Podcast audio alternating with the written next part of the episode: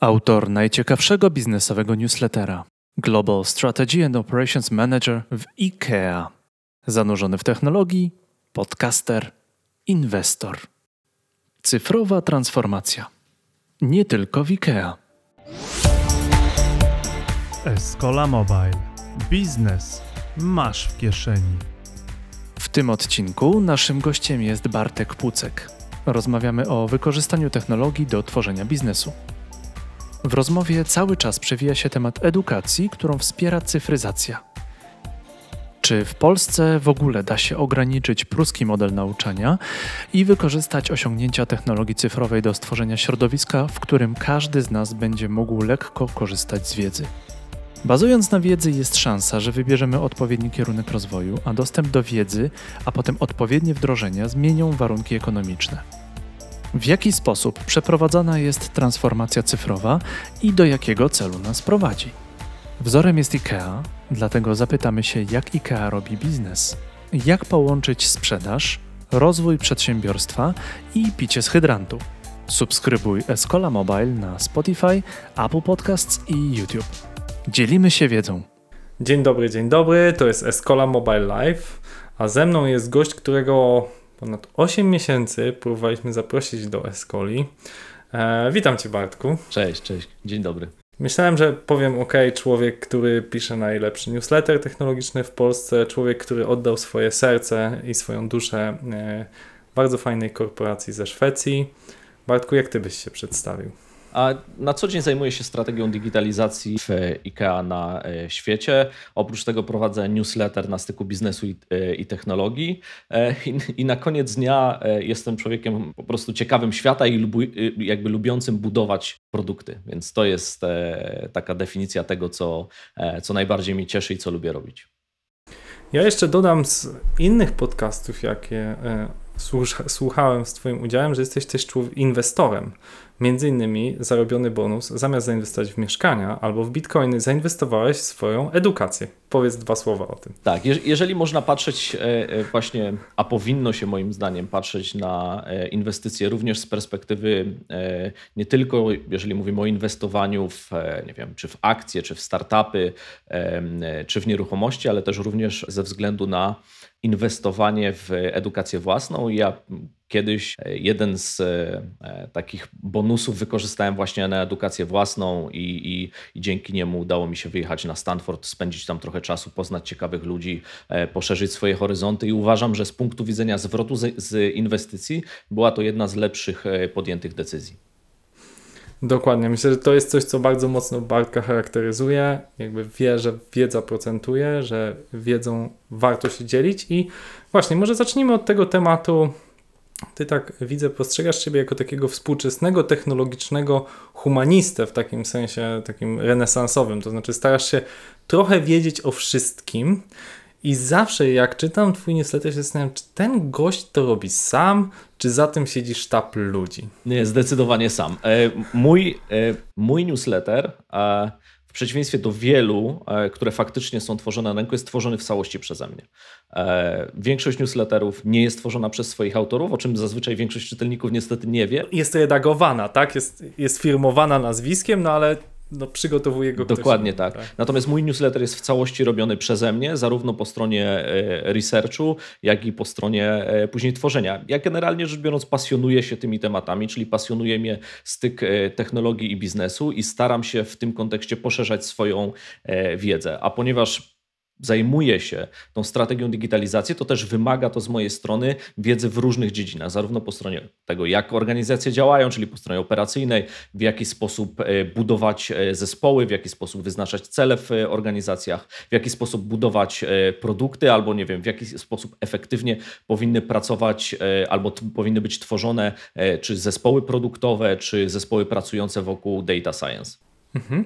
No dobrze, to, to, to od razu nasuwa się pytanie, jak to robisz, tak? No bo rozumiem, IKEA płaci ci nie tylko za robienie. Research jest przydatny z perspektywy kogoś, kto wyznacza strategię, no ale oprócz tego masz jeszcze tam jakieś zadania, więc masz ograniczony czas. Jak zrobić tak przekrojowy research? Zdradź e, kilka słów na temat swoich narzędzi kuchni, jak to robisz, e, żeby w relatywnie krótkim czasie stworzyć coś tak kompleksowego. Wiesz, e, chyba pierwszą rzeczą e, nie jest narzędzie, tylko nastawienie. Czyli jeżeli masz e, ciekawość świata. Wstajesz piąta rano i medytujesz, od tego zaczynasz? Nie, nie, nie, nie, nie, jestem tą osobą. Znaczy to nie będzie historia pod tytułem wstaję o 4.30, a później przez godzinę medytuję, prawda, notuję i tak dalej, i tak dalej. To nie jest tego typu historia. Moim zdaniem pierwszym takim warunkiem, który dla mnie jest istotny, to jest przede wszystkim moje nastawienie do, do bycia ciekawym świata. I uważam, że to jest jedna z takich ważniejszych cech, które trzeba e, w sobie pielęgnować. Czyli nawet jeżeli rozwijamy się w jakiejś dziedzinie, ona nas interesuje, być może w niej stajemy się ekspertem ze względu na spędzony czas, ze względu na doświadczenie, to wcale nie oznacza, że powinniśmy na tej dziedzinie pozostać, ponieważ zaraz obok tej dziedziny są inne kolejne, w których możemy pogłębiać swoją wiedzę. Jeżeli zajmujemy się, e, nie wiem, budowaniem produktów, e, czy jesteśmy jesteśmy na przykład product ownerem, będziemy zainteresowani za chwilę data science, za chwilę będziemy zainteresowani na przykład e, machine learningiem. Jak machine learningiem, to prawdopodobnie i deep learningiem i tak dalej, i tak dalej. Przeskakujemy pomiędzy tymi dziedzinami i staramy się e, pogłębiać swoją wiedzę w, e, w tym zakresie. I teraz im więcej spędzamy nad tym czasu, im większą praktykę we wdrożeniach, w budowaniu, skalowaniu biznesów mamy, tym większa szansa, że dotkniemy e, kolejnych e, dziedzin w tym, e, w tym zakresie. I nie ma, myślę, że nie ma jednej uniwersalnej metody na zarządzanie swoim czasem. Są oczywiście pewne techniki, które można zrobić, czyli blokowanie swojego czasu na tak zwaną pracę głęboką. Można bukować, e, czy też zarządzać swoimi spotkaniami w taki sposób, żeby odbywały się w późniejszej części dnia, albo część osób na przykład e, e, planuje swoje spotkania tylko i wyłącznie na jeden, dwa dni w tygodniu, po to, żeby pozostałe dni spędzić właśnie na pracy głębokiej nad określonymi tematami. Są osoby, które na przykład planują każdy dzień jako dzień tematyczny w swoim tygodniu, czyli na przykład w poniedziałek to są spotkania operacyjne, wtorek to są na przykład rzeczy związane ze strategią, środa to są na przykład rzeczy związane ze sprzedażą, czwartek na przykład z marketingiem i tak dalej, i tak. Więc tych sposobów e, planowania swojej pracy jest bardzo dużo. Myślę, że jedną uniwersalną rzeczą, taką zasadą, która e, charakteryzuje dobry rodzaj pracy i poszerzania swojej wiedzy, to są przede wszystkim dobrze zbudowane nawyki. Czyli to, co ja wielokrotnie podkreślam, jedna rzecz to jest posiadać listę rzeczy do zrobienia, długofalowych czy krótkofalowych, czyli mamy codziennie tą swoją listę to do, na której są są zadania do zrobienia. Mamy, nie wiem, raz w roku wyznaczamy sobie cele, co chcielibyśmy zrealizować w danym, w danym roku, ale oprócz tego, że mamy te listy, jest bardzo istotne to, jakimi nawykami się posługujemy, bo mamy nawyki dobre, mamy nawyki złe, ale tak naprawdę około e, chyba badania pokazują, że około 50-60% decyzji w ciągu dnia wynika z naszych nawyków. E, dlatego pielęgnowanie ich, w ogóle identyfikacja tego, jakie mamy nawyki, jest bardzo, bardzo ważna. Mhm. A powiedz jeszcze dwa słowa o samym researchu, to znaczy, czy naprawdę otwierasz jakąś tam prasę, nie wiem, TechCrunch, Bloomberg, The Economist i tam co ci wpadnie w oko, to potem się znajduje w newsletterze, czy mm, korzystasz z jakiegoś, nie wiem, RSS-a, y, który na pewne frazy jakoś. To mnie zawsze fascynuje jako researchera, bo sam też sporo tego robię i mam trudność w znalezieniu jakiegoś takiego złotego systemu, tak? Te wiele wiadomo, treści jest płatnych, ale to bardzo wtedy zawęża, e, zawęża twój, twój dostęp, a z kolei te otwarte często są przedrukami po prostu informacji, więc jak ty to robisz pod kątem takim trochę Wiesz, technicznym? Mój sposób e, takiego pozyskiwania tej wiedzy, czyli tego hydrantu, bo tak naprawdę dzisiaj internet pod względem informacyjnym jest hydrant, tak? W sensie próbujesz pić z hydrantu. Jest bardzo... Wystarczy otworzyć buzię i po prostu dostać tak, szoku. Dokładnie tak. tak. I, i, i, I, to, co jest szalenie istotne, to jest w jaki sposób posiadać, e, zbudować swoją dietę informacyjną. Ponieważ podobnie jak z dietą e, e, taką żywieniową, podobnie jest z dietą informacyjną. Możemy się karmić tylko i wyłącznie informacyjnym fast foodem i w większości ten fast food to są newsy, czyli informacje, które dezaktualizują się po 15 minutach, po godzinie, po 24 godzinach czy po kilku dniach. I takich rzeczy należy, przynajmniej w mojej opinii, unikać za wszelką cenę. Ja staram się czytać jak najmniej newsów. To są rzeczy, które mnie e, nie interesują, to są rzeczy, którymi nie mam czasu się zajmować i nie chcę się zajmować. I staram się, żeby czy w mojej e, skrzynce, czy w social mediach, nie wiem, na Twitterze, na LinkedInie nie pojawiały się e, newsy, natomiast pojawiały się pogłębione analizy, czy też relacje ludzi, którzy są najbliżej problemu. Czyli jeżeli jest jakaś dziedzina, którą się interesuje, może to, to na przykład być MLOps, tak? czyli bardzo specyficzna dziedzina, szukam ludzi, którzy są najlepsi w tej dziedzinie i staram się ich albo obserwować, albo korzystać z wiedzy, którą się e, e, dzielą. Natomiast niekoniecznie jestem zainteresowany czytaniem na przykład serwisów, e, w których są newsy o tym, co dane firmy w tej dziedzinie robią. To jest rzecz wtórna.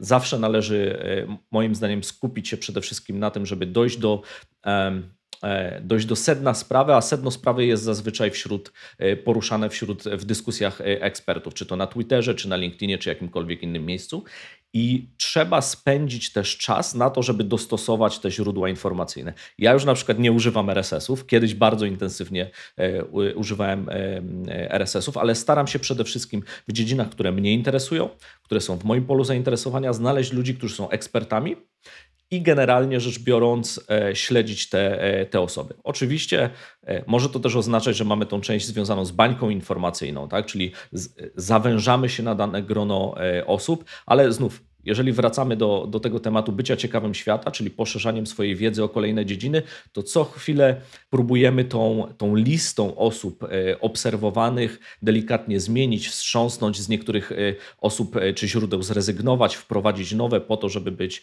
na bieżąco z wiedzą w danych dziedzinach. To zbieranie wiedzy, a potem kompilacja, wspomniałeś o dniach, czy na przykład jest tak, że siadasz, ok, piątek jest dniem pisania i wtedy Bartek siada, klik, klik, klik, klik, na przykład jest slot czasowy 8-12, teraz muszę pisać. Wiem, że niektórzy pisarze, ja tak robiłem jak doktorat yy, kończyłem, że po prostu czasem masz wenę i napiszesz 10 stron, czasem nie masz, ale muszą być godziny, kiedy twój umysł wie, że ma pracować z tekstem na przykład.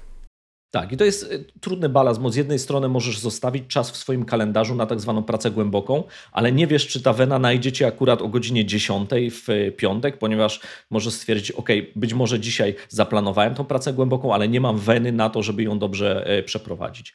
I, i to jest jakby jeden z, jedno z wyzwań, z problemów związanych z planowaniem swojej pracy, czyli kiedy będziemy mieli wenę do tego, żeby coś napisać czy coś stworzyć. Ja na pewno bukuję swój czas, czy przeznaczam czas na zrobienie researchu, czyli na tą część tak zwaną badawczą, sprawdzeniową, czyli po to, żeby zobaczyć te materiały, które, które mam, żeby poświęcić trochę czasu na, na ich przeczytanie, na ich analizę i osobno czas czas na tworzenie, w tym przypadku na przykład na tworzenie e, newslettera. I to są jakby dwa odrębne mhm. bloki tak, podsumowując, czasu. widzę, że część z Twoich zasad stosuję, bo bardzo unikam właśnie newsów, jeżeli chodzi o, o na przykład sprawy społeczno-polityczne. E, jest jeden podcast, który zresztą polecam, cotygodniowe podsumowanie roku Rafała Hirsza przekrojowe 10 najważniejszych informacji. Dzięki temu, jeżeli coś naprawdę ważnego dzieje, społeczno-ekonomicznego czy politycznego na świecie, można tego usłyszeć. Tydzień później prawdopodobnie Twój świat się nie zmieni, a nie wiem, obecne zmiany podatkowe, które się teraz gdzieś usłyszysz w podsumowaniu tam tygodnia czy miesiąca i, i faktycznie to wszystkim bardzo polecam. Ale jest jedna rzecz, o którą muszę Cię zapytać, bo no, w moim DNA i w DNA Escoli jest edukacja. I ty nawet pracowałeś chwilę u jednego z dużych wydawców. E, możesz o tym dwa słowa powiedzieć dosłownie. Co cię tam sprowadziło i jak wspominasz tą przygodę? E, tak. E, przede wszystkim to była praca nad transformacją właśnie digitalową i to, co mnie skłania, to jest zazwyczaj ten sam, ten sam temat, czyli trudność zadania i jednocześnie ciekawość danego tematu. Bo też trzeba pamiętać, że w branża edukacyjna na przestrzeni ostatnich lat, ale w szczególności na przestrzeni ostatniego e, roku zmienia się diametralnie, tak? czyli odchodzimy od pewnych starych modeli na rzecz e, nowego modelu edukacji i w ogóle jak patrzymy przez pryzmat tak zwanego edtechu i podzielimy go na dwa E, na dwie warstwy, czyli ten tak zwany rynek regulowany i rynek nieregulowany, no to oczywiście ten rynek regulowany jest rynkiem mocno hermetycznym, zamkniętym, e, określonym e, w różnych krajach różnymi przepisami. Zresztą ostatnio to, co się dzieje w Chinach, jeżeli mówimy o rynek edukacyjny, też jest pewnym symptomem tych zmian i mamy do czynienia w tym rynku nazwijmy to sobie nieregulowanym, odejście od tak zwanego e, starego e, modelu edukacji na rzecz e, nowego modelu edukacji, który jest bardziej spersonalizowany. Zamiast wykładów ma na przykład lekcje one-on-one, które są bardziej interaktywne, ma elastyczne kurikulum, z którego się można uczyć, jest więcej w cudzysłowie sztucznej inteligencji w ramach tych procesów nauczania. Więc ten, ta, ta mhm. transformacja jest fascynująca. Ja, ja, ci powiem tutaj plotkę, jak o tobie mówili za czasów, jak pracowałeś u wydawcy. Mówi ten, ten człowiek z iPhone'em, zafascynowany Applem, to były, wiecie, 2012-13 rok. Jeszcze nie dużo osób korzystało z iPhone'a i to wszystko wydawało się nowe. Postrzegali cię jako osobę, która strasznie pieściła UX i twierdziła, że to jest ważne, gdzie te 8-9 lat temu wielu wydawców niekoniecznie tak twierdziło. E, no ale tak jak mówisz, bardzo dużo się zmieniło na przestrzeni czasu i chyba rekordowo dużo zmieniło się w ostatnie półtorej roku. To znaczy transformacja edtechu to było coś niesamowitego. No jakby chcąc nie chcąc edukacja przeniosła się do online'u. Jestem ciekaw takiej twojej trochę subiektywnej opinii, jak oceniasz to właśnie z perspektywy tego rynku regulowanego, szkoły public i rynku nieregulo, nieregulowanego, co się wydarzyło, najważniejszego. Powiem Ci, co moim zdaniem się nie zmieniło. E, najpierw. E, moim zdaniem nie zmieniły się dwie rzeczy. Pierwsza e, to jest to, że większość nauczania odbywa się nadal na wielu rynkach na świecie w systemie pruskim, tak? czyli w XIX-wiecznym systemie nauczania. Klasa, dzwonki, rytm, przekazywanie wiedzy, tak? mistrz y, uczeń. Tak? Czy raczej mistrz tak. i 30 przy, przy uczniów. tak? Nazwać to przekazywaniem wiedzy i i ja nazwałbym to przekazywaniem informacji, tak? bo bardzo często to nie jest przekazywanie wiedzy, ale po prostu przekazywanie informacji. E, z drugiej strony, to co się nie zmienia, to nie zmieniają się potrzeby e, edukacyjne, czyli generalnie rzecz biorąc, ludzie chcą uczyć się nowych rzeczy. Internet pozwolił na demokratyzację tego dostępu do wiedzy. Czyli dzisiaj, niezależnie od tego, gdzie jesteś na świecie, jeżeli masz dostęp do internetu, możesz skorzystać naprawdę z najlepszych źródeł wiedzy. I często te źródła wiedzy dzisiaj są nie w bibliotece, tylko na YouTubie, e, czasami mogą być na TikToku, czasami mogą być na specjalistycznych platformach edukacyjnych, na, e, w aplikacjach edukacyjnych i wiesz, E, będąc, nie wiem, e, nastolatkiem e, albo generalnie rzecz biorąc dzieckiem 20 czy 30 lat temu, tak, na przykład twój dostęp w małym mieście w Polsce do korepetytora z języka był bardzo ograniczony. Tak? Dzisiaj, mając, nie wiem, 8, 10 czy 12 lat, masz w dyspozycji Duolingo i w zasadzie twój dostęp do możliwości nauki języka obcego jest nieograniczony. W zasadzie jedynym ograniczeniem jest tylko i wyłącznie twój czas, oraz samodyscyplina, e, która jest wymagana do tego, żeby ten proces edukacyjny e, przeprowadzić. Jeżeli chcesz być, e, nie wiem, przekwalifikować się, chcesz zostać deweloperem czy programistą czy programistką w danej dziedzinie, masz do dyspozycji najlepsze kursy na, e, nie wiem, Stanfordzie czy na MIT, które pozwolą ci zanurzyć się w część związaną z e, computer science. Więc ta demokratyzacja edukacji też jest dzisiaj obecna. No i oczywiście technologia jakby mhm. wspomaga te, no, te Jest procesy. obecna, ale badania pokazują, że najczęściej z tych otwartych kursów korzystają studenci bądź właśnie osoby z wyższym wykształceniem z dobrych uniwersytetów, czyli no właśnie, mamy problem trochę z tą demokratyzacją i okazuje się, że podobnie, że to e, edukacyjne rozwarstwienie nadal jest. To znaczy, mimo że to jest za darmo, jest na wyciągnięcie ręki, jednak z jakiegoś dziwnego powodu ta młodzież e, woli sięgać po filmy Fritza niż po wykłady profesorów z MIT. Dlaczego? Pełna zgoda, ale tu, tutaj dotykasz jakby procesu, procesu edukacji, tak? Czyli jeżeli proces edukacji polega na przyswajaniu informacji, e, a nie na uczeniu się, jak się uczyć. Tak? No bo gdyby proces edukacji odbywał się na uczeniu, jak się uczyć, to sięgałbyś do różnych źródeł. Tak? E, postanowił skorzystać z określonej wiedzy na TikToku, z innej wiedzy na YouTubie, a jeszcze z innej wiedzy w jakimkolwiek innym e, miejscu. I to, co jest moim zdaniem e, jednym z największych wyzwań, czy patrzymy z perspektywy procesu edukacyjnego, czy patrzymy na to z perspektywy bycia rodzicem, to jest w jaki sposób utrzymać jak najdłużej w sobie, w dzieciach ciekawość e, świata. Jeżeli do tego damy tą umiejętność uczenia się e, o tym, jak się uczyć, to, to tak naprawdę tworzy ten, ten najlepszy efekt, tą najlepszą mieszankę. No to Bartku, odpowiedz tutaj rodzicom, którzy nas słuchają, czy menedżerom, którzy zarządzają działami HR, odpowiadają za, za learning and development w organizacjach, to znaczy jak motywować ludzi do utrzymania tej ciekawości świata, jak zachęcać do, do tego uczenia się. Znaczy, ja nie jestem ekspertem w tej dziedzinie, ale to, co mogę powiedzieć, to jest to, że przede wszystkim trzeba zacząć od siebie, tak? czyli jak, w jaki sposób my chcemy poszerzać e, swoją wiedzę. Jeżeli się czymś fascynujemy, jeżeli coś nas interesuje, to powinniśmy szukać ludzi, którzy są najbliżej tego problemu, e, są najlepszymi ekspertami w danej dziedzinie i korzystać z ich wiedzy, ale też jednocześnie zachować pewną świeżość, tak? czyli jeżeli widzimy, że w danej dziedzinie są e, prezentowane następujące poglądy, poglądy, to czy jesteśmy w stanie, i to jest bardzo ważna rzecz, mieć kontrargument do obecnej sytuacji, czyli jesteśmy w stanie jednocześnie e, podać argumenty, które się wzajemnie e, wykluczają, jeżeli chodzi o dany, e, o dany temat i rozpocząć taką intelektualną dyskusję, pogłębianie swojej wiedzy w, w danej dziedzinie. I to często może być związane z korzystaniem nowej technologii, wprowadzaniem procesów w organizacjach, zatrudnianiem czy budowaniem zespołów, skalowaniem firm, ale też generalnie rzecz biorąc w życiu prywatnym jeżeli chcemy się, nie wiem, uczyć nowych języków, jeżeli chcemy e, przekwalifikować się na przykład z jednej roli do innej roli, albo na przykład awansować e, w organizacji,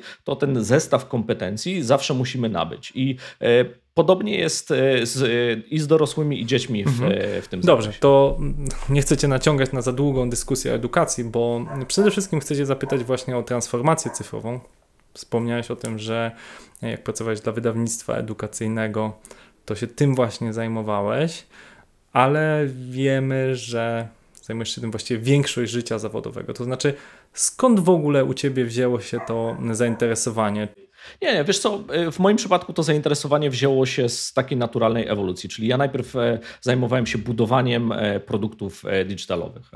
To automatycznie przekształciło się w budowanie i skalowanie biznesu. Im większa skala, im większa trudność tego zadania, tym więcej elementów było związanych z transformacją cyfrową i ta transformacja cyfrowa z biegiem czasu stała się jednym z ważniejszych elementów wewnątrz organizacji.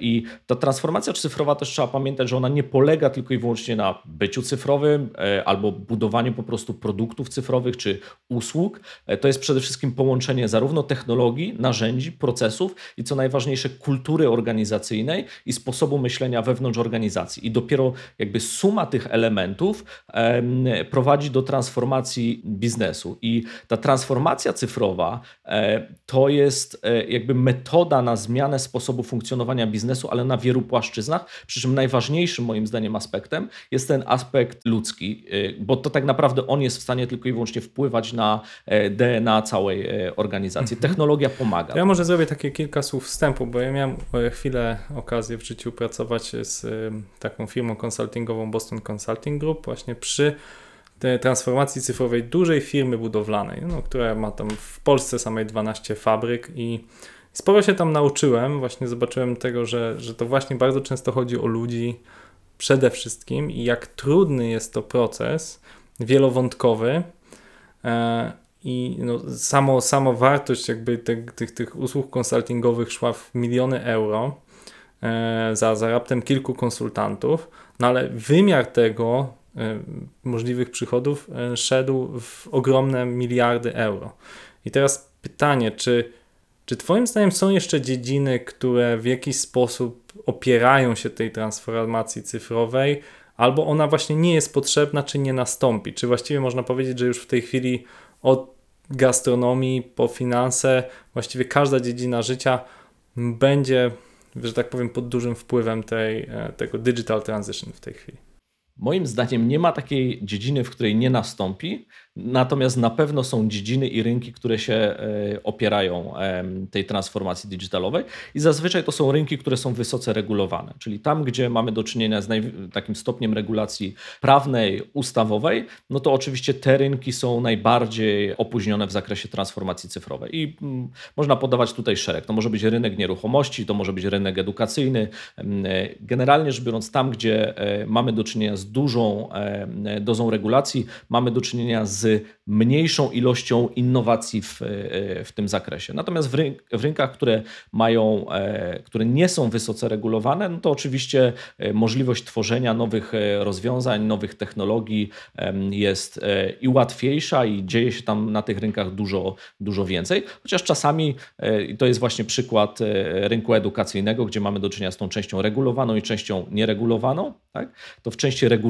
na przykład w K12 mamy do czynienia z mniejszym postępem w zakresie e, transformacji cyfrowej czy e, oferty technologicznej i rynkiem nieregulowanym, gdzie mamy do czynienia z ogromną ilością firm, które zbudowały fantastyczne produkty, które z czasem nagle okazują się, że zastępują procesy edukacyjne, które są oferowane w, trady- w tradycyjny sposób. No tak, ale to co mówisz trochę przeczy e, praktyce obszarów fintechów, bo finanse są ogromnie regulowane, tak, sektor bankowy, a z drugiej strony statystyka pokazuje, że około 40% w tej chwili inwestycji to są fintechy, tam 30-40%.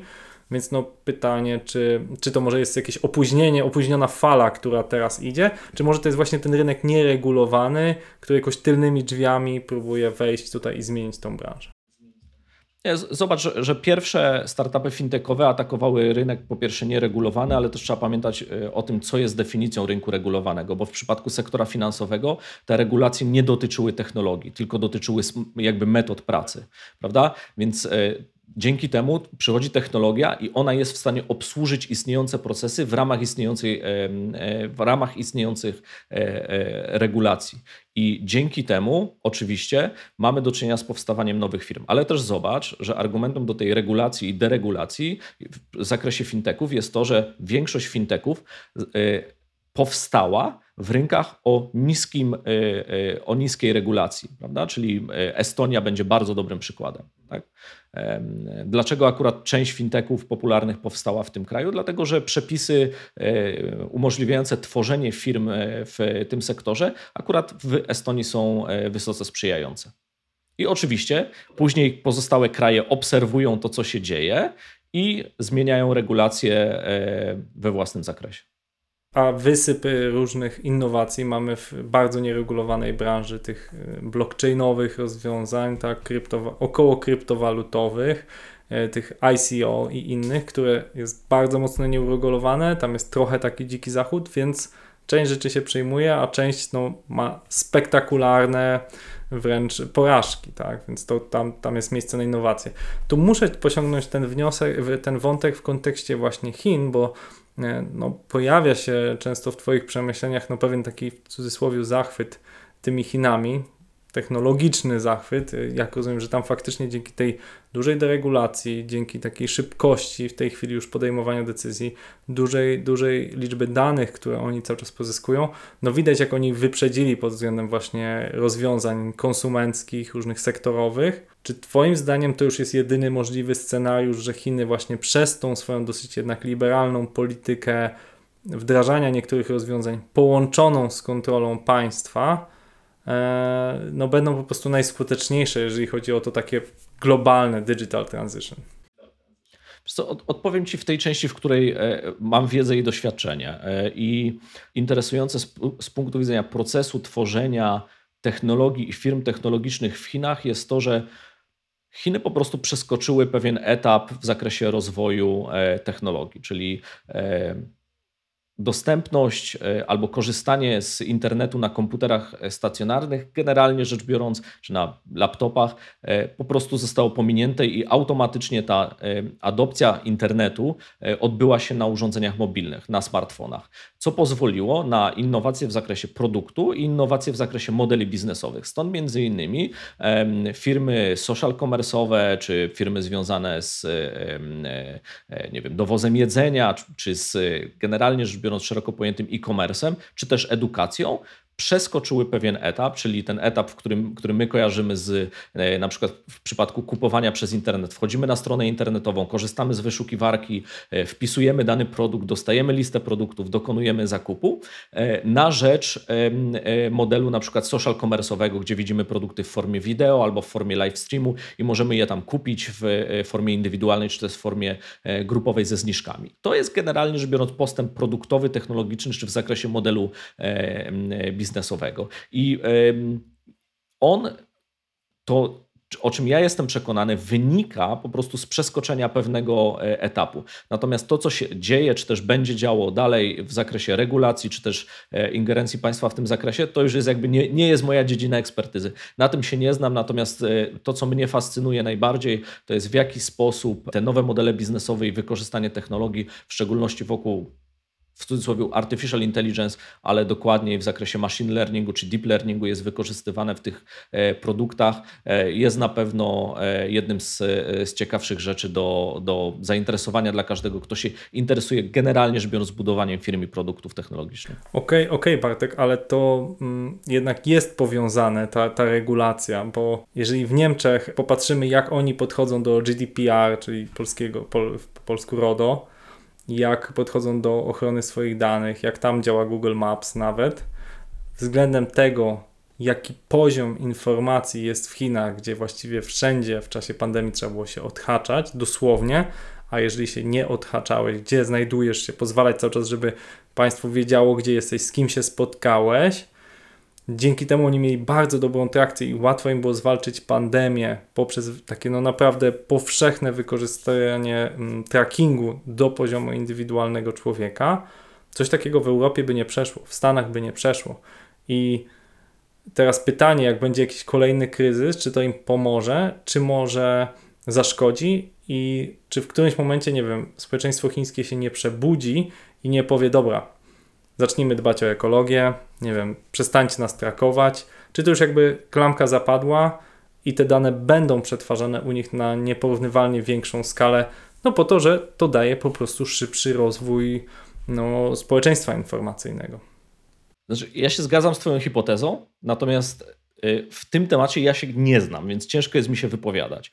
Y, jeżeli patrzę na to, przez, jeżeli spojrzę przez część Twojego pytania, czyli przez pryzmat danych przede wszystkim, to trzeba pamiętać, i to jest bardzo ważna rzecz, budując dzisiaj organizację czy budując firmy, jest takie pojęcie, które się nazywa data ethics, czyli etyka danych. Jeżeli budujemy firmy, budujemy przedsiębiorstwa, budujemy produkty, ja gorąco zachęcam każdego do spojrzenia na ten temat, w jaki sposób e, posługiwanie się danymi wewnątrz organizacji e, jest częścią w ogóle procesów de decyzyjnych e, w każdej, w każdej organizacji czy w, czy w każdym zespole. Ja osobiście uważam, że każda firma powinna mieć swoją politykę w zakresie etyki danych i powinno to być wpisane w DNA e, organizacji, ponieważ ma to już dzisiaj i będzie miało w przyszłości jeszcze większy wpływ na to, w jaki sposób e, budujemy produkty oraz w oparciu o mhm. jakie dane. Okej, okay, to chcę płynnie przejść do mm, tematu IKEA, bo mm, jesteś już tam jakiś czas, jest to globalna organizacja, więc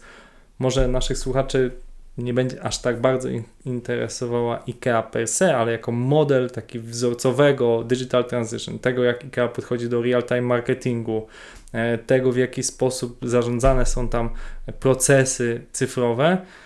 Chciałbym, żebyś parę słów o tym opowiedział, jakby do czego, czym jest tam Twoja rola do czego się sprowadza i jakie wyzwania przed Tobą stoją, bo wydaje mi się, że to, to w cyfryzacji jest ciekawe, że ta, ta, to się nigdy nie kończy. Tak? Jakby jestem pewien, że, że masz przed sobą wiele wyzwań, nad którymi teraz pracujesz. Jakbyś mógł parę słów na ten temat teraz powiedzieć. Z jednej strony ta strategia cyfrowej transformacji nigdy się nie kończy, ale ona ma swoje etapy. Czyli mamy do czynienia w zasadzie chyba z trzema takimi etapami. Pierwszy to jest etap przed transformacją cyfrową, czyli jesteśmy organizacją, czy ktoś jest, jakaś firma jest organizacją, która jeszcze nie jest na drodze tej cyfrowej e, transformacji. Drugi etap to jest organizacja, która zaczyna i kontynuuje tą drogę cyfrowej transformacji. I trzeci, e, e, trzeci etap to jest organizacja, która się staje tą cyfrową organizacją, albo jest zbudowana, e, czyli tak jak dzisiaj patrzysz na firmy technologiczne, po prostu ta, ta część technologiczna jest bezpośrednio w DNA e, firmy. Jeżeli patrzymy przez pryzmat e, tej cyfrowej transformacji, to ona oczywiście się dzieli na jakby standardowo w każdej firmie, na każdym e, w zasadzie rynku na takie trzy elementy, czyli z jednej strony co oferujemy, z drugiej strony jak wyglądają nasze operacje, czyli ta część operations wewnątrz organizacji i jak wyglądają modele e, biznesowe. I wtedy możemy sobie zadać pytanie, czy nasza strategia biznesowa e, zawiera elementy cyfryzacji, czyli tą część digitalową, czy nasza strategia digitalowa, bo ona w części organizacjach funkcjonuje, czyli te które, organizacje, które są w trakcie procesów transformacyjnych, mają swoje strategie digitalowe, które na przykład są nieobecne w firmach e, technologicznych, bo nie muszą być. Więc czy strategia digitalizacji jest obecna w e, strategii biznesowej? Później, jakie mamy inicjatywy wewnątrz organizacji, czy, w jaki sposób je priorytetyzujemy, e, czy one są bezpośrednio związane z problemami i właściwą identyfikacją tych, tych problemów do rozwiązania dla naszych klientów, a później oczywiście, jak wygląda nasza organizacja, talent, struktura, sposoby pracy, jak wyglądają e, asety, czyli czy mamy dostęp do właściwych technologii, czy z nich skorzystamy, czy mamy dostęp do danych, w jaki sposób wykorzystujemy je, e, tak, jeżeli mówimy o takim data-driven decision making, czy mamy możliwości wykorzystania tego, czy budujemy e, ekosystemy wokół tego przez partnerstwa z innymi firmami albo na przykład przez akwizycję, no i oczywiście jak zarządzamy swoim portfolio produktowym. I to jest w zasadzie, to są takie elementy strategii cyfryzacji, które są obecne w każdej, e, w każdej organizacji. I to jest też taka rzecz, nad którą ja intensywnie e, pracuję, czyli w jaki sposób ta droga transformacji cyfrowej powinna nas prowadzić do, do określonego celu. I teraz oczywiście te cele mogą się różnić w, w różnych organizacjach i oczywiście w firmach, które są nie wiem, startupami czy w firmami powstały jako firmy e, technologiczne, ta strategia też będzie troszeczkę inaczej wyglądać, ponieważ tam nie będzie strategii digitalizacji, tam będzie głównie strategia e, produktowa czy też strategia e, firmowa. Próbuję to scharakteryzować, bo ta digitalizacja trochę brzmi jak takie jednak słowo dla wielu osób niezrozumiałe, mm, albo przynajmniej nieprecyzyjne. Zastanawiam się, czy Twoim zdaniem łatwiej jest osiągnąć sukces w firmie czysto digitalowej, czy takiej digital first, która w DNA już ma wpisane coś, coś takiego bardzo cyfrowego. Weźmy na przykład Zalando i H&M albo Zara, tak? Czy, czy Zalando, gdzie od początku jako sklep internetowy, który ma coś tam sprzedawać, jakieś ciuchy, nie wiem, czy tam teraz już inne rzeczy, i sklep, który jest przede wszystkim stacjonarny, ale coraz większą część przenosi swojej sprzedaży do do digitalu. Czy Twoim zdaniem mm, jest duża szansa, co jest łatwiejsze, co jest łatwiejszym podejściem, czy zbudować coś całkowicie w internecie, czy bazując na swoim fizycznym doświadczeniu, które ma właśnie czy Zara, czy H&M, czy IKEA, jest łatwiej na tym zbudować dojście do klienta cyfrowego, czy łatwiej jest startować z digitalu, nie mieć tych wszystkich ograniczeń, no też kosztów, podejścia pracowników, które jest oporne. Co Twoim zdaniem jest łatwiejsze? Moim zdaniem e, jest rzecz, która jest w tym wszystkim najtrudniejsza i dopiero później jest cała reszta. Pierwsza rzecz to jest dobre zrozumienie potrzeb klientów. I teraz niezależnie od tego, czy korzystasz z technologii X, czy, e, czy Y, czy generalnie rzecz biorąc nie wykorzystujesz żadnej technologii, jeśli dobrze rozumiesz potrzeby klienta, to to buduje Twoją przewagę konkurencyjną e, na starcie. Większość firm technologicznych, czyli większość startupów czy firm technologicznych, które jest budowane i które zaczyna, ma to, ten rodzaj przewagi, że zaczyna od problemu klienta dnia dzisiaj. Bardzo wiele firm, które już istnieje na przykład wiele lat e, na rynku, bardzo często problem, który próbują e, rozwiązać dla swoich klientów, to są problemy sprzed lat. Czyli umiejętność zrozumienia potrzeb i e, klientów jest jakby jak taką nadrzędną umiejętnością. I większość firm wykłada się na tej umiejętności. Dopiero później trzeba sobie zadać pytanie, ok, w jaki sposób procesy, nie wiem, sprzedaży, pozyskania klienta, czy produkty, które oferujemy, odpowiadają na te potrzeby. I tutaj możemy e, mówić sobie o budowaniu e, nowych produktów za pomocą technologii, dzięki wykorzystaniu określonych danych i tak dalej, ale to jest tak naprawdę etap późniejszy. Tak? I tutaj oczywiście ta przewaga konkurencyjna może wynikać z różnych rzeczy, czyli jeśli mamy dobrze, dobre zrozumienie potrzeb klienta, to czy potrafimy zbudować dobre technologiczne produkty, które mają właściwy user experience, e, które właściwie rozwiązują te problemy za pomocą e, technologii. I teraz to, co jest problemem wielu dużych organizacji, to jest przede wszystkim tempo. Tak? E, nie tyle szybkość, e, ile tempo e, działania, czyli w jaki sposób właściwie i szybko odpowiedzieć na problemy tych konsumentów, które się zmieniają, w szczególności na przestrzeni, nie wiem, ostatniego roku czy, czy półtorej roku. Natomiast z punktu widzenia firm, które dopiero powstają, no to ta prędkość jest jakby czy powinna być wbudowana bezpośrednio e, w e, organizację. Natomiast większość zespołów dzisiaj, czy większość firm, e, bo przecież ten wspomniany przez Ciebie Zalando nie jest firmą małą, tak, optymalizuje wewnątrz jakby nie tylko właściwe zrozumienie tych potrzeb klientów, ale też właśnie coś, co się ładnie nazywa velocity, tak?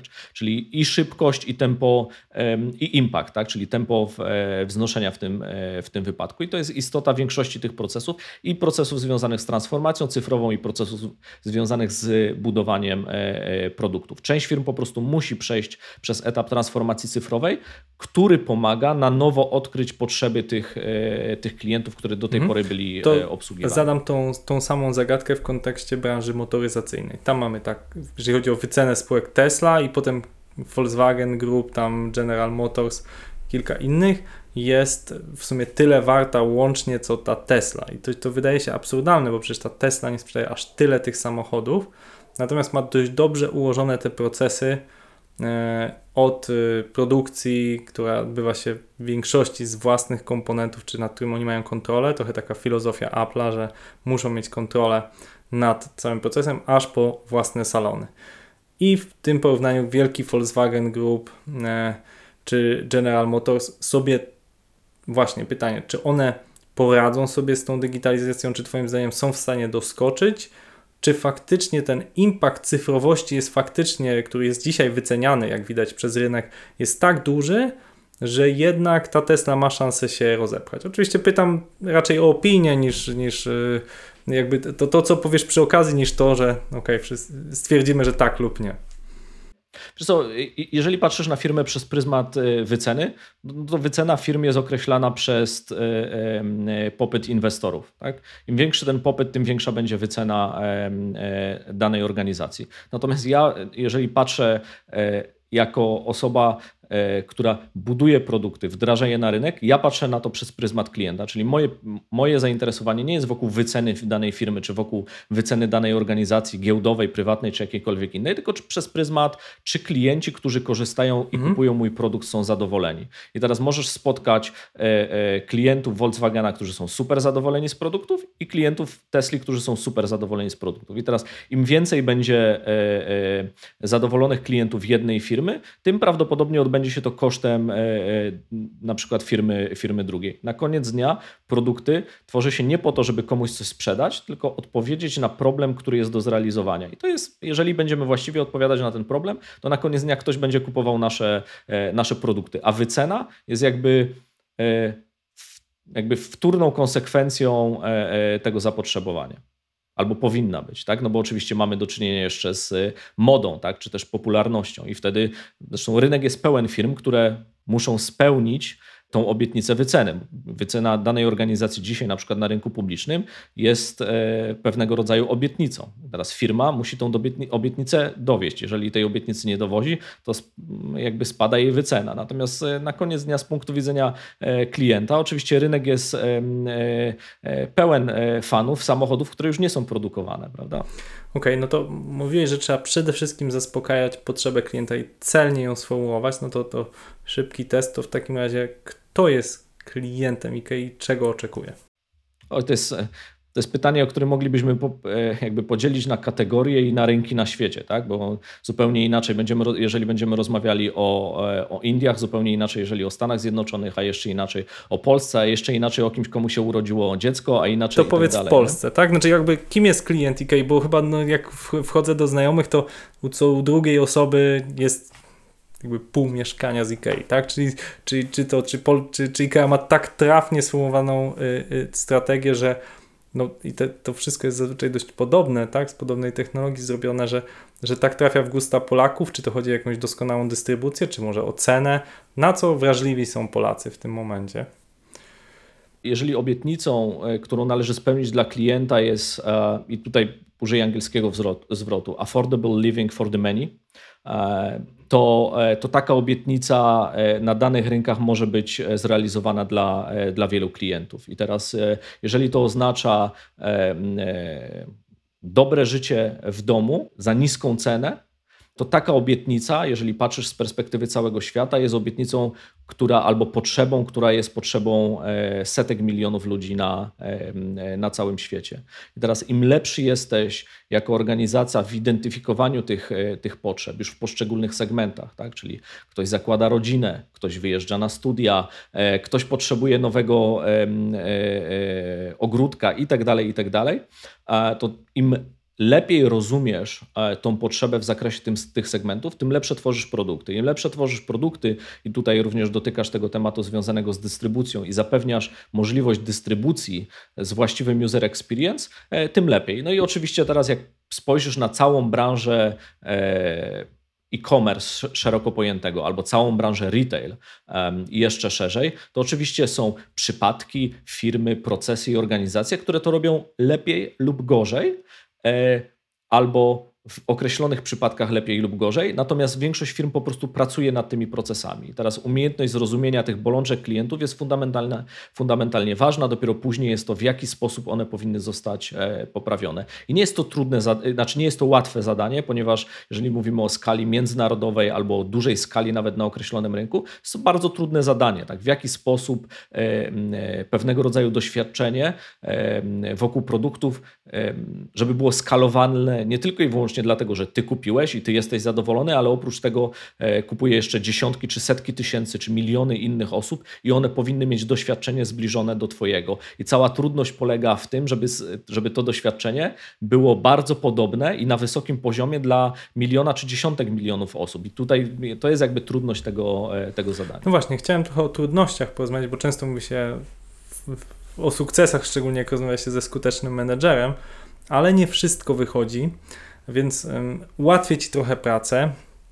E, tydzień temu zamawiałem jakiś tam zestaw mebli ogrodowych w firmie Castorama e, i myślałem, no mam wybrane, bardzo mi się podoba, proszę mi do mieszkania zawieźć. I okazało się to zupełnie niemożliwe. To znaczy Castorama zachęciła mnie, żebym pojechał, a zamawiałem do mieszkania w Gdańsku, żebym pojechał do Gdańska, pojechał tam do sklepu, odebrał to i przewiózł.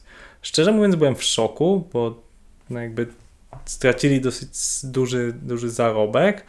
E, wydawało mi się to coś oczywistego w dzisiejszych czasach, żeby firma, skoro może to przewieźć w centrum logistycznym do siebie, cena produktu jest na tyle duża, że, e, że, że cena kuriera myślę, że gdzieś tam można ją wkomponować.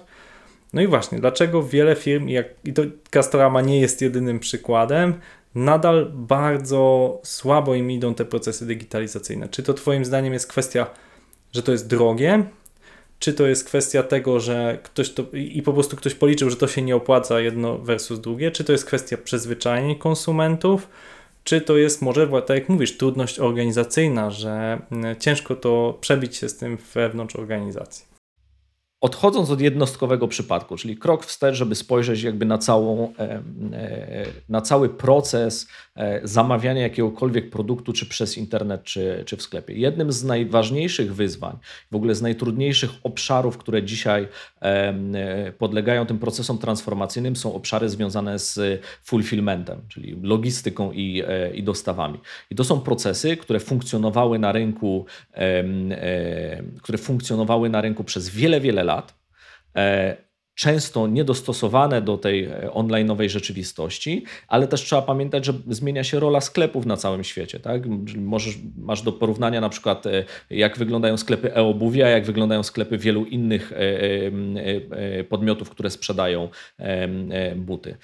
Ta część związana z fulfillmentem, czyli bardzo często sklepy zamieniają się również w centra dystrybucyjne po to, żeby zapewnić dostępność towarów. Też trzeba powiedzieć, że te, dzisiaj jak rozmawiamy, w bardzo wielu branżach ze względu na wydarzenia ostatniego e, e, półtorej, e, półtorej roku mamy do czynienia też z problemami z dostępnością bardzo wielu produktów. Tak? Czyli one generalnie rzecz biorąc w ogóle nie są dostępne w sprzedaży w bardzo wielu dziedzinach i w różnych krajach. I to, co dzisiaj jest jednym z głównych wyzwań dla procesów transformacyjnych, generalnie rzecz biorąc branży komersowej czy też branży retail, to są procesy związane właśnie z logistyką i fulfillmentem. Tak?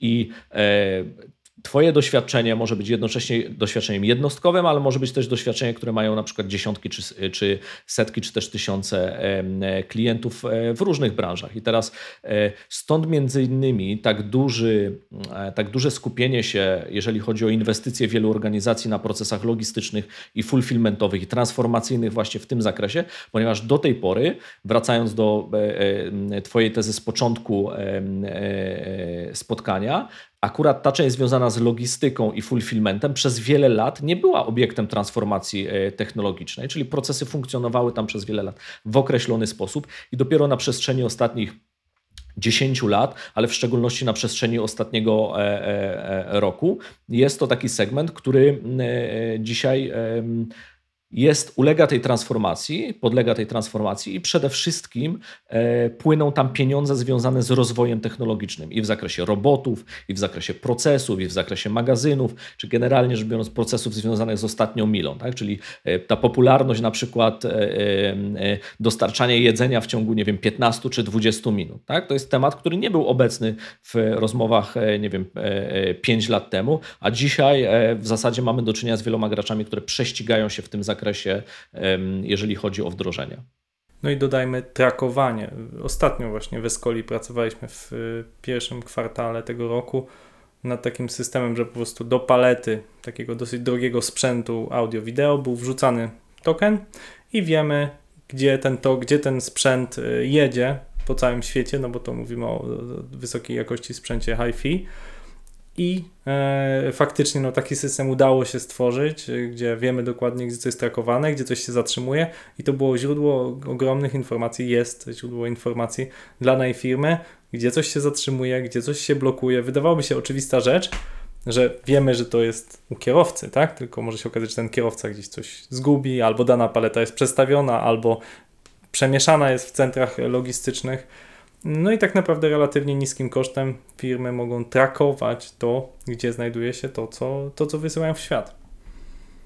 To, czego dotykasz teraz, to jest element związany z e, danymi i czy zawęzimy sobie to pojęcie do data science, czy do business insights, trzeba pamiętać, że, że dzisiaj to się dzieje w każdej dziedzinie, tak? czyli e, nie tylko w procesach fulfillmentowych czy, czy w logistycznych, ale w zasadzie w każdej dziedzinie mamy do czynienia z nowymi produktami, z nowymi technologiami, które poz pozwalają lepiej zrozumieć e, dane.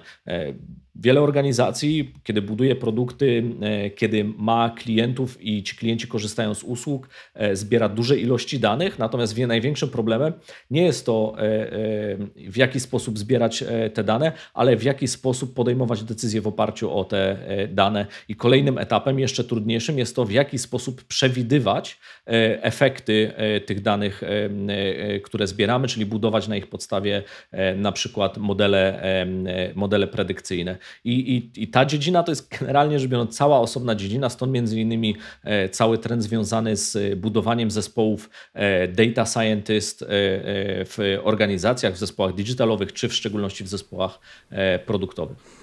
No tak, bo w świecie takiego zarządzania just in time, kiedy nie chcemy mieć ogromnych zapasów magazynowych, chcemy produkować to, co naprawdę ludzie kupią, tak? A to jest poddane różnym modom, E, różnym e, zachciankom, promocjom i tak dalej. I faktycznie czasem może e-commerce'om się wydaje, że wystarczy obniżyć cenę, coś tam delikatnie zmienić na stronie i już to się sprzeda, a tymczasem, jak się okazuje, tak nie jest i to jest dużo bardziej złożony proces, tak? I, i trzeba skoordynować. Ale też przede wszystkim e, na przykład w niektórych branżach ma to ogromny wpływ na rzecz, która najmniej jest dyskutowana. E, niestety to jest część związana z marżą, e, dlatego że niektóre branże, na przykład nie wiem, branża modowa jest, czy też branża, w, czy też niektóre segmenty branży FMCG są niskomarżowe i umiejętność optymalizacji tych procesów, na przykład po stronie logistycznej albo po stronie zrozumienia i interpretacji danych są fundamentalnie ważne do poprawy marży, a e, nieznaczna nawet poprawa marży w produktach, które same w sobie mają niską marżę, może w odpowiedniej skali przynosić ogromne zyski. Mm -hmm.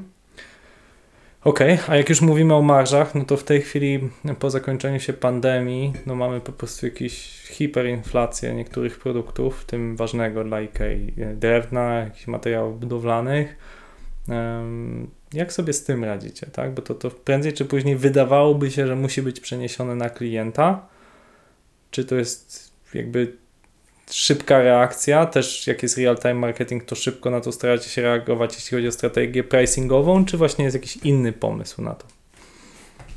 Co, generalnie rzecz biorąc, jeżeli patrzysz z perspektywy pricingu, niezależnie od tego, jakiej mówimy branży i potrzebujesz do tego zasoby, to też e, trzeba zrobić krok do tyłu i zobaczyć, jak wygląda wykres. Bo jeżeli spojrzysz na wykres na przestrzeni ostatni e, e, od stycznia do końca maja, to ten wykres będzie up and to the right, tak? A jeżeli dodasz do tego lipiec, to już nie będzie taki. A jeżeli y, cofniesz się i spojrzysz na ostatnie, nie wiem, 3 lata, to też nie będzie tak wyglądał. Więc wszystko zależy tak naprawdę od, y, od y, perspektywy. Trzeba pamiętać, że bardzo często w firmach, które się zajmują produkcją, e, produkcja może zajmować czasami miesiące, a czasami lata, czyli od momentu, w którym ty coś wymyślisz postanowisz to wyprodukować i wprowadzić na rynek w odpowiedniej skali, nie miną miesiące, a mogą minąć lata. I podobnie jest w drugą stronę. Czasami możesz coś wymyśleć i, i będziesz chciał to mieć na rynku w przyszłym e, miesiącu. Więc tak naprawdę odpowiedź brzmi: e, to zależy, i, i tutaj, jeżeli patrzymy na to z perspektywy procesów e, stricte technologicznych, to główny fokus jest na transparentność tego procesu i przede wszystkim na dane, tak? czyli czy podejmujemy decyzje w oparciu o dane i jaka jest jakość tych danych. I oczywiście jaki jest też, jakie możemy insighty mieć z tych danych, bo tak jak wspomniałem, problemem nie jest posiadanie, znaczy Większość firm posiada duże ilości e, danych. Tak naprawdę najważniejszym wyzwaniem jest w jaki sposób podejmować decyzje w oparciu o interpretację tych danych. I największy problem większość organizacji ma nie z ilością danych, ale ze sposobem ich e, interpretacji, czyli jakie wnioski, jakie decyzje podejmować, widząc e, e, dany wykres czy dany Czyli raport. znów jesteśmy przy tym hydrancie, z którego próbujemy uzyskać jakąś sensowną, sensownie się napić, ale tej wody jest za dużo i trzeba wydestylować to, co dla nas jest wartościowe. Jednym z bardziej szkodliwych e, cytatów, który się pojawił w ostatnich latach dotyczących danych, e, to był zwrot Data is the new oil. E, I to uważam, że jest jedna z gorszych interpretacji związanych z dziedziną z, związaną z danymi, ponieważ tak naprawdę dane to piasek. W przypadku, gdyby prawdą było stwierdzenie, że data is the new oil, to tak naprawdę ta ropa może być wykorzystana w całości, czyli Każda część, każda baryłka tej ropy może być wykorzystana i każda jest wartościowa. A to jest nieprawda. Nie wszystkie dane są e, e, wartościowe. E, dane mogą być jak piasek, czyli część tego, część tych, tego surowca możemy wykorzystać do różnych czynności, natomiast równie dobrze może to być piasek na plaży. Tak? Dla nas może być zbędny. Powiedz, jakie są trzy takie największe wyzwania właśnie w tej dążeniu do tej transformacji, czy, czy e, ukoronowania tej transformacji, na którymi teraz pracujesz? Trzy takie challenge, z którymi się mierzysz globalnie? Zarówno wewnątrz, jak i na zewnątrz chcę zapytać. Myślę, że e, pierwszą rzeczą, e, która jest istotna z punktu widzenia każdej organizacji, to jest fakt, że wybór priorytetu jest równie ważny jak praca nad nim. Czyli jeżeli jesteśmy organizacją i widzimy identyfikujemy, czy nasze zespoły, ludzie w organizacji identyfikują bardzo dużo możliwości i szans rozwoju. Czyli jeśli zrobimy to, to wydarzy się e, tamto. E, I każdy przychodzi z, e, z różnym zestawem priorytetów. Na koniec tych priorytetów może być kilkadziesiąt, kilkaset czy kilka tysięcy. I umiejętność wyboru priorytetu jest równie ważna jak później praca nad nim. Więc najpierw jest kwestia tego, w jaki sposób wybieramy priorytety z E, e, z tej listy e, możliwości, w jaki sposób, podkreślam, one odpowiadają na potrzeby klientów, jaki problem dla klienta rozwiązują. Drugi element to jest element bezpośrednio związany z budowaniem rzeczy wewnątrz organizacji, czyli w jaki sposób ta transformacja cyfrowa prowadzi nas do organizacji, która buduje produkty, które później są częścią pewnego rodzaju roadmapy i celów wewnątrz, e, e, e, wewnątrz organizacji i jak się wpisują w całość później funkcjonowania tej organizacji. I e, trzeci element to jest też związany e, z e, czynnikami zewnętrznymi, czyli widzimy to, co się dzieje na rynku, widzimy zachowania klientów, zachowania konkurencji, no i oczywiście wracając do tych priorytetów, ta umiejętność mówienia nie jest tutaj istotna. Bardzo często, albo jednym z lęków, który pojawia się w wielu organizacjach, jest, jest związany właśnie z nauką mówienia nie i jest to często powiązane z tym, że jeśli powiemy nie, to nagle się okaże, że przegapimy jakąś okazję. To jest taka obawa, tak? Że jeśli powiemy czemuś nie, to przegapimy okazję, która by nas, nie wiem, katapultowała do sukcesu w jakimś miejscu i być może ona nigdy się już nie powtórzy i to jest jedyna szansa dla naszego biznesu e, na rozwój. I teraz przez większość czasu tak naprawdę to nie jest prawdą i trzeba potrafić zaakceptować, że e, szanse, możliwości, które pojawiają się na rynku, tak naprawdę są jedynie wskazówkami i to są rzeczy, które możemy, e, nad którymi możemy e, dopiero eksperymentować i, i te nasze eksperymenty e, powinny być e, na koniec dnia skupione e, wokół tych potrzeb klientów, o których wspomniałem. I oczywiście z, z mojej perspektywy to jest też dobre zrozumienie na różnych rynkach, ponieważ potrzeby klientów w różnych częściach świata będą różne, są uwarunkowania kulturowe, uwarunkowania ekonomiczne, uwarunkowania geograficzne, uwarunkowania związane z korzystaniem zarówno z technologii, jak i określonych produktów. I ostatnio ostatnią rzeczą, ale najważniejszą we wszystkich tych y, procesach, zaraz po potrzebach klientów, jest, jest przede wszystkim umiejętność budowania zespołów i kultura organizacyjna. To jest element, który jest fundamentalny do funkcjonowania każdej organizacji.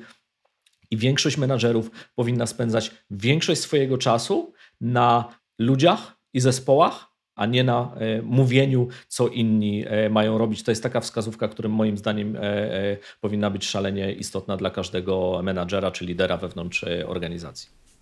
Niesamowite. Słuchajcie, chyba te 60 minut to jest najlepsza reklama newslettera Bartka Pucka, żebyście mogli po prostu mieć tą wydestylowaną wiedzę i to taką taki premium dystylant 99% treści, którą lubimy względem, względem tego, co oferują inni. Niesamowita e, rozmowa, bardzo dużo kontekstów, wydaje mi się, wartościowych dla szeroko rozumianej branży e-commerce'u.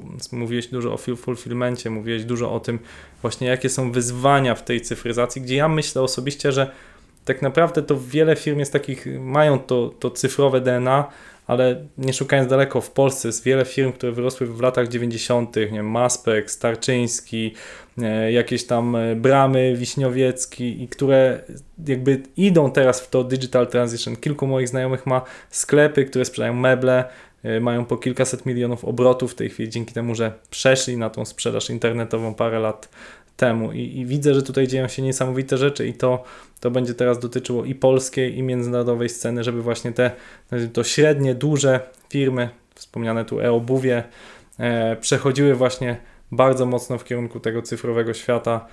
E, no i myślę, że tutaj porady Bartka były dla Was bardzo, bardzo cenne. Dzięki Bartku za rozmowę. Super, dziękuję ślicznie. Dobrego dnia. Escola Mobile. Biznes masz w kieszeni. Dziękujemy za Twój czas i za to, że spędziłeś go z nami. Twoja uwaga jest bezcenna, ponieważ poświęciłeś nam wiele czasu, aby dowiedzieć się czegoś nowego. Dlatego mamy do Ciebie prośbę. Pomóż nam realizować naszą misję. Dzielimy się wiedzą. Udostępnij ten podcast na Twitterze, LinkedInie, Facebooku. Wystarczy kliknąć udostępnij, na przykład na Spotify. Jeśli używasz ekosystemu Apple, będzie nam niezwykle miło, jeżeli napiszesz nam fajną recenzję do tej rozmowy i dasz 5 gwiazdek. Algorytm działa mniej więcej tak, że im więcej dobrych recenzji, tym częściej nasz podcast jest polecany osobom, które jeszcze go nie subskrybują. Zatem dzięki Twoim kilku zdaniom i pięciu gwiazdkom pomagasz nam spełniać naszą misję, jaką jest dzielenie się wiedzą. To był 92 odcinek podcastu Escola Mobile. Rozmawialiśmy z Bartkiem Puckiem o cyfrowej transformacji. Do usłyszenia.